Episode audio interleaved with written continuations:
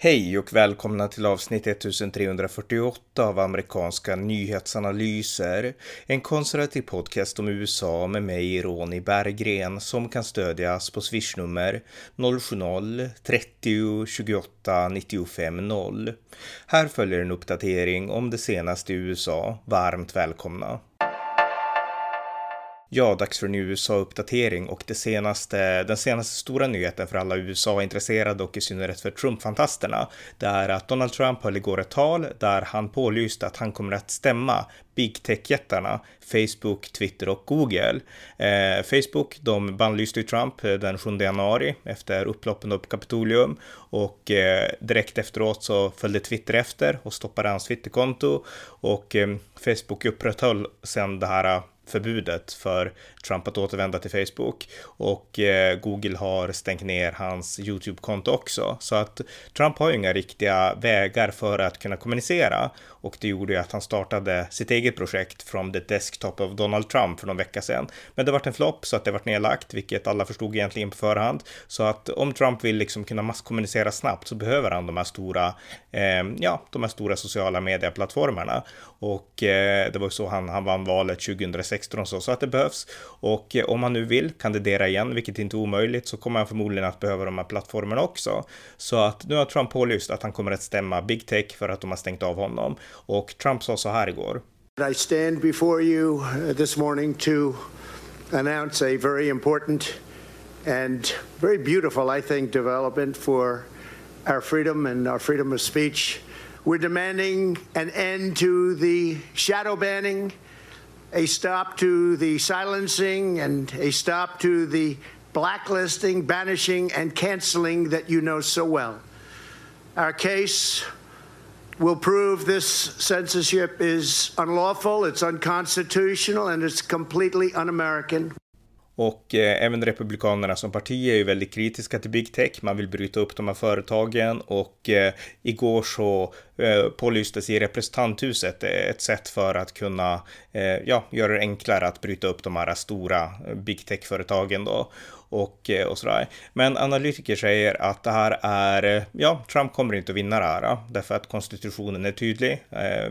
Företag har rätt att egentligen bestämma helt och hållet sina egna regler och det gäller även de här stora medieplattformarna. Sen kommer Trump att försöka argumentera för att eh, att de här plattformarna är, visst det är privata företag, men de tillhandahåller liksom tjänster som allmänheten behöver och eh, som måste kunna garanteras. Eh, alltså fria företag kan ju liksom vara verksamma och ändå tvingas följa vissa regler om de utför tjänster som tillhör den verkliga allmännyttan. Jag menar ta vad som helst, ta apoteken här i Sverige, de är privata numera, men eh, liksom apotek måste finnas, de måste följa vissa regler och de måste liksom utföra vissa tjänster. Det krävs krävs därför att det funkar liksom utan, utan om de inte gjorde det så skulle liksom samhället kollapsa. Och jag tror förmodligen att det är så Trump kommer att argumentera. Men de flesta experter som man läser och lyssnar på, de säger att det här kommer att misslyckas i domstol. Men vi får se. Men oavsett det så vad det här gör, Trumps stämning, det är att han blir en, han blir en hjälte bland sina egna. Han kommer få många fler anhängare av det här. Han blir relevant i nyheterna och han visar både för sina supporters och för hela landet att han är en fighter. Och eh, ja, när han höll sitt tal igår, det var väl hans första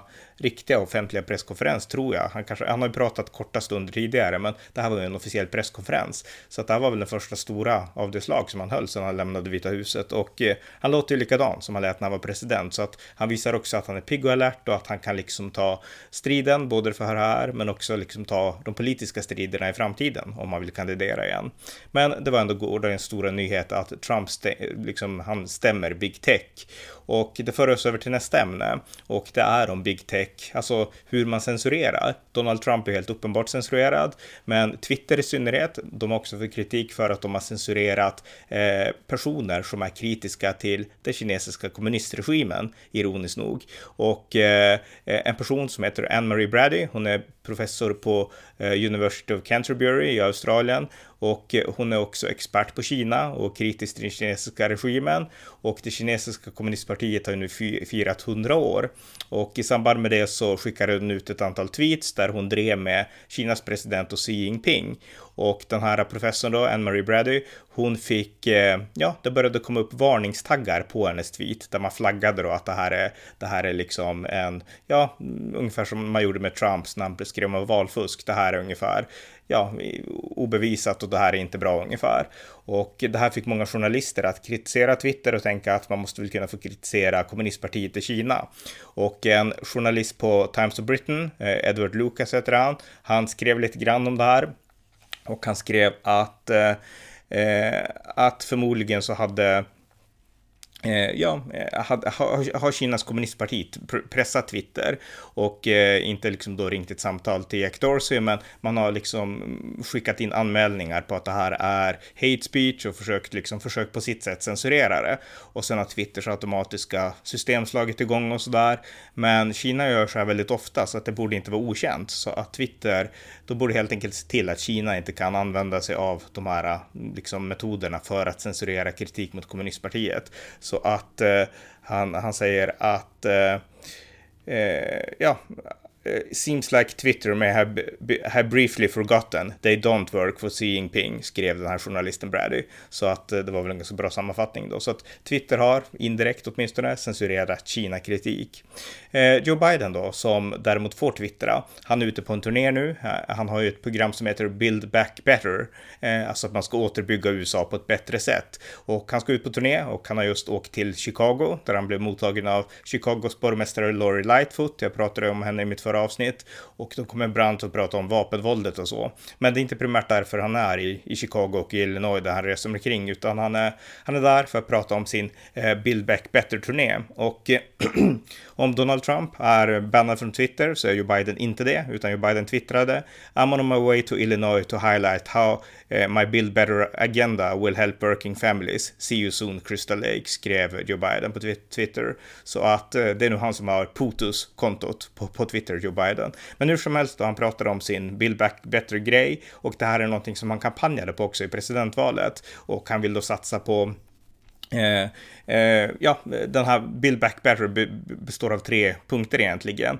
En räddningsplan och en plan för amerikanska jobb och en plan för amerikanska familjer. Och man vill ge då, eh, ja, dagis till barn och man vill ge eh, två års gratis community, community college och eh, ja, hjälpa familjer att eh, liksom kunna mm, vara lediga när de blir sjuka och sådana saker. Alltså ganska, eh, en ganska svensk politik kan man säga, saker som vi i Sverige tar som självklart.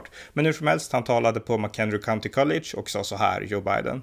And back in the campaign, you know, I said we're going to build back and we're going to build back better. Not just, we can't just build back, we got to build back better. And today I want to outline some of the key pieces of this Build Back Better agenda and what's it going to do for the people of Illinois and the people of the United States. It's about a country, once again, that inspires and leads the world, the opportunities we provide the, the, the, cures we discover, the technology we discover, the technologies we pioneer, and the industries we create.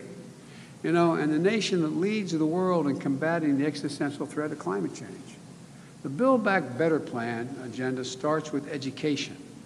You know, one of the reasons why we were a leading country in the world for so long and still on the edges is because we're the first nation, industrial nation in the world to require to allow 12 years of free education back at the turn of the 20th century.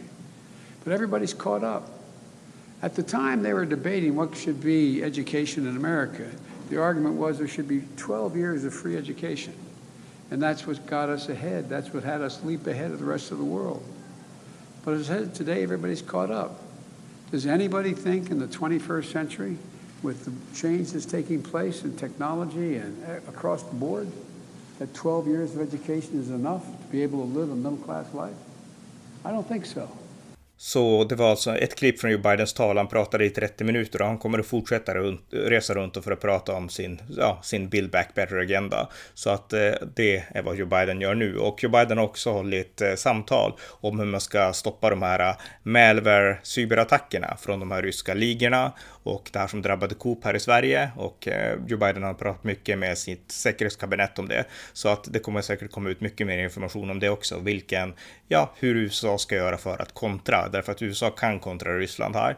Men eh, vad kommer det göras? Hur ska man göra exakt? Det, det får vi se då. Men det är också en sak som Biden har funderat på och eh, pratar om de senaste dagarna.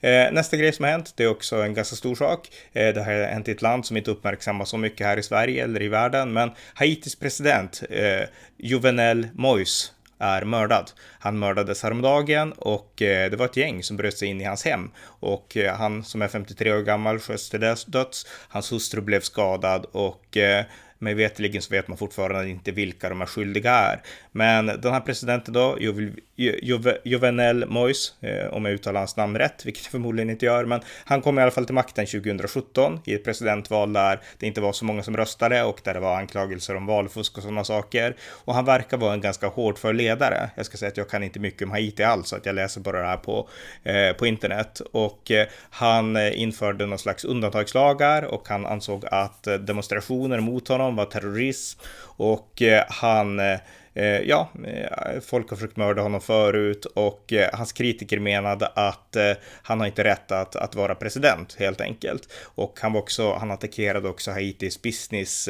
community, alltså näringsliv och han arresterade människor ganska godtyckligt som han ansåg planerade en kupp mot honom och sådär. Så att han var väl kanske inte världens bästa president, men jag ska inte liksom gå in och liksom kommentera det i detalj, för jag kan inte det här alls, utan men han har blivit mördad i alla fall och oavsett eh, hur han var som president eller så, så är det ändå fel med politiska mord.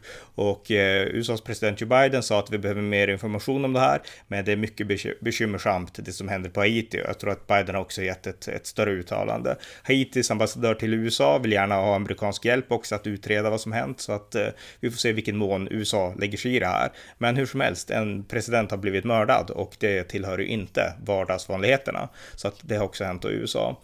Eh, nästa grej vi kan nämna det är att USAs största lärarfack, The National Education Association, de har röstat för att eh, ha critical race theory i, sin, i sina skolplaner för eh, grundskoleelever. Och eh, det här är någonting som är välkänt att eh, The National Education Association stöder critical race theory. De har försvarat den ofta, deras ledare och sådär. Men det här har ju också lett till en konflikt därför att nu kan vi se klipp på YouTube överallt. Alltså man behöver knappt nämna exempel längre för det nämns hela tiden. När föräldrar går till skolmöten och de protesterar mot lärarna och säger att vi vill inte att våra barn ska gå i en skola där man lär ut critical race theory och det är alltså föräldrar med alla bakgrunder, män, kvinnor, svarta, vita de vita säger att jag vill inte att mina barn ska liksom lära sig att de är rasister bara för att de är vita. Svarta föräldrar säger att det här är ju liksom samma Jim Crow-lagar som varit implementerade mot oss, eller inte mot oss kanske personligen, men mot svarta för 60-70 år sedan. Så att eh, liksom all, mängder av föräldrar är mycket kritiska till det här äh, och lärarfacket går emot dem och säger att vi vill ha critical race theory, USAs största lärarfack. Och det här är ju en fråga som kommer och redan har blivit politisk. Republikanerna är stenhårt emot critical race theory och sannolikt så skulle jag säga att Demokraterna kommer att backa här därför att den växande allmänheten i USA nu, de börjar mer och mer bli emot det här när man inser vad det är för någonting. Och Demokraterna som ändå måste sägas vara för, det klassiska är ju det här äh, kampanjtalet i höstas mellan Joe Biden och eh, Donald Trump. När Donald Trump hade sen tidigare då när han var president på, alltså stoppat eh, finansiering av critical race theory i federala, inom federala myndigheter. Och eh, Joe Biden sa att det här ska han, han ska ta bort det här och eh, Donald Trump sa att det här är nonsens och det här är liksom, det här är farligt och Biden svarade ungefär du är farlig. Och Trump suckade bara och sa att du vet inte ens vad du pratar om ungefär, du, du förstår inte ens frågan, sa, sa Donald Trump. Och Trump hade rätt. Biden förstod inte frågan utan han stödde det passivt critical race theory och Biden har ju öppnat upp för critical race theory på andra håll. Men nu växer kritiken underifrån därför att nu har allmänheten börjat inse att det här är inte bra och vi vill inte att våra barn ska bli indoktrinerade i det här oavsett om man är svart eller vit förälder. Så att eh, jag tror förmodligen att gräsrötterna kommer att pressa den demokratiska eliten att backa i den här frågan. Det är min gissning. För att jag, liksom Joe Biden, det är inte så att han helhjärtat stöder critical race theory. Jag menar, det var Joe Biden som sa att han var rädd för att hans barn skulle växa upp i en racial jungle på 70-talet. Så jag menar, det här är någonting, det är den senaste trenden och demokraterna hoppar på, men de strider ju inte för den här frågan från hjärtat, utan det är ju de här radikala vänsteraktivisterna som gör det. Så att när vanligt folk börjar säga att det här gillar inte vi, så tror jag att demokraterna kommer att backa och republikanerna kommer att vinna den här frågan. Och jag tror att det är helt rätt av av Republikanerna att göra critical race theory till en central kampanjfråga inför valen 2022, mellanårsvalen då. Så att, eh, ja, det var det senaste. Lärarfacket har ställt sig på critical race theorins sida. Eh, sista saken då för idag, det är att John Kerry, som är Joe Bidens klimatsar, klimat eh, speciala sändebud, han, eh, han blev Eh, Eh, ja, man, man såg att han gick in på en flygplats, Boston Logan International Airport, i måndags utan mask, alltså eh, ansiktsmask då för coronan. Och det finns en lag här, en regel på, på den här flygplatsen att man måste ha det. Och eh, ja, John Kerry hade det inte. Och i mars månad i år så sågs han också vid ett annat tillfälle att inte ha mask vid, ett, vid, ett, vid en liknande Eh, Eh, ja, vid ett liknande tillfälle då. Och en talesman för TSA säger att det här är, man måste ha mask, men man vill inte kommentera att just Joe Biden inte hade det. Eller jag menar att just eh, John Kerry inte hade det. Så att John Kerry blev eh, liksom fångad på kameran masklös. Och eh, återigen, det här visar ju lite grann hyckleriet inom Demokraterna. när det kommer till de här frågorna. Därför att Demokraterna är oftast de som, eh, vilken hosta jag fick här, som, som pratar om vikten av att ha mask och sådana saker. Eh, nästa sak, sista sak jag tänkte berätta, det är att en man från Cleveland, han åtalas för dödshot mot Nancy Pelosi och det här, han heter David Studhauer, 53 år gammal och i höstas efter att eh, Joe Biden vann valet mot Donald Trump så ringde han in till olika polisdepartement och sa att han skulle, han skulle, ja, han skulle komma med hämnd skulle han komma och han hotade då en kvinnlig politiker och den här kvinnliga politikern visar sig vara 81-åriga Nancy Pelosi. Så att han kommer nu att åtalas för de här hoten. Han gjorde inte slag i dem, men han ringde ändå och hotade att, att eh, skjuta två kulor i huvudet på henne ungefär. Så att han kommer att åtalas för det. Så att, eh, ja, det var lite av det senaste som hänt och det är de senaste nyheterna från USA det senaste dygnet. Så vi sätter punkt för den här gången. Vi hörs snart igen. Det var avsnitt 1348 av amerikanska nyhetsanalyser. En podcast som finns för att ge en balanserad bild av den konservativa halvan av USA. Stöd gärna genom att swisha till 070-30 28 95 0 eller genom att via hemsidan usapool.blogspot.com stödja på Paypal, Patreon eller bankkonto. Det var allt för idag. Tack för att ni har lyssnat.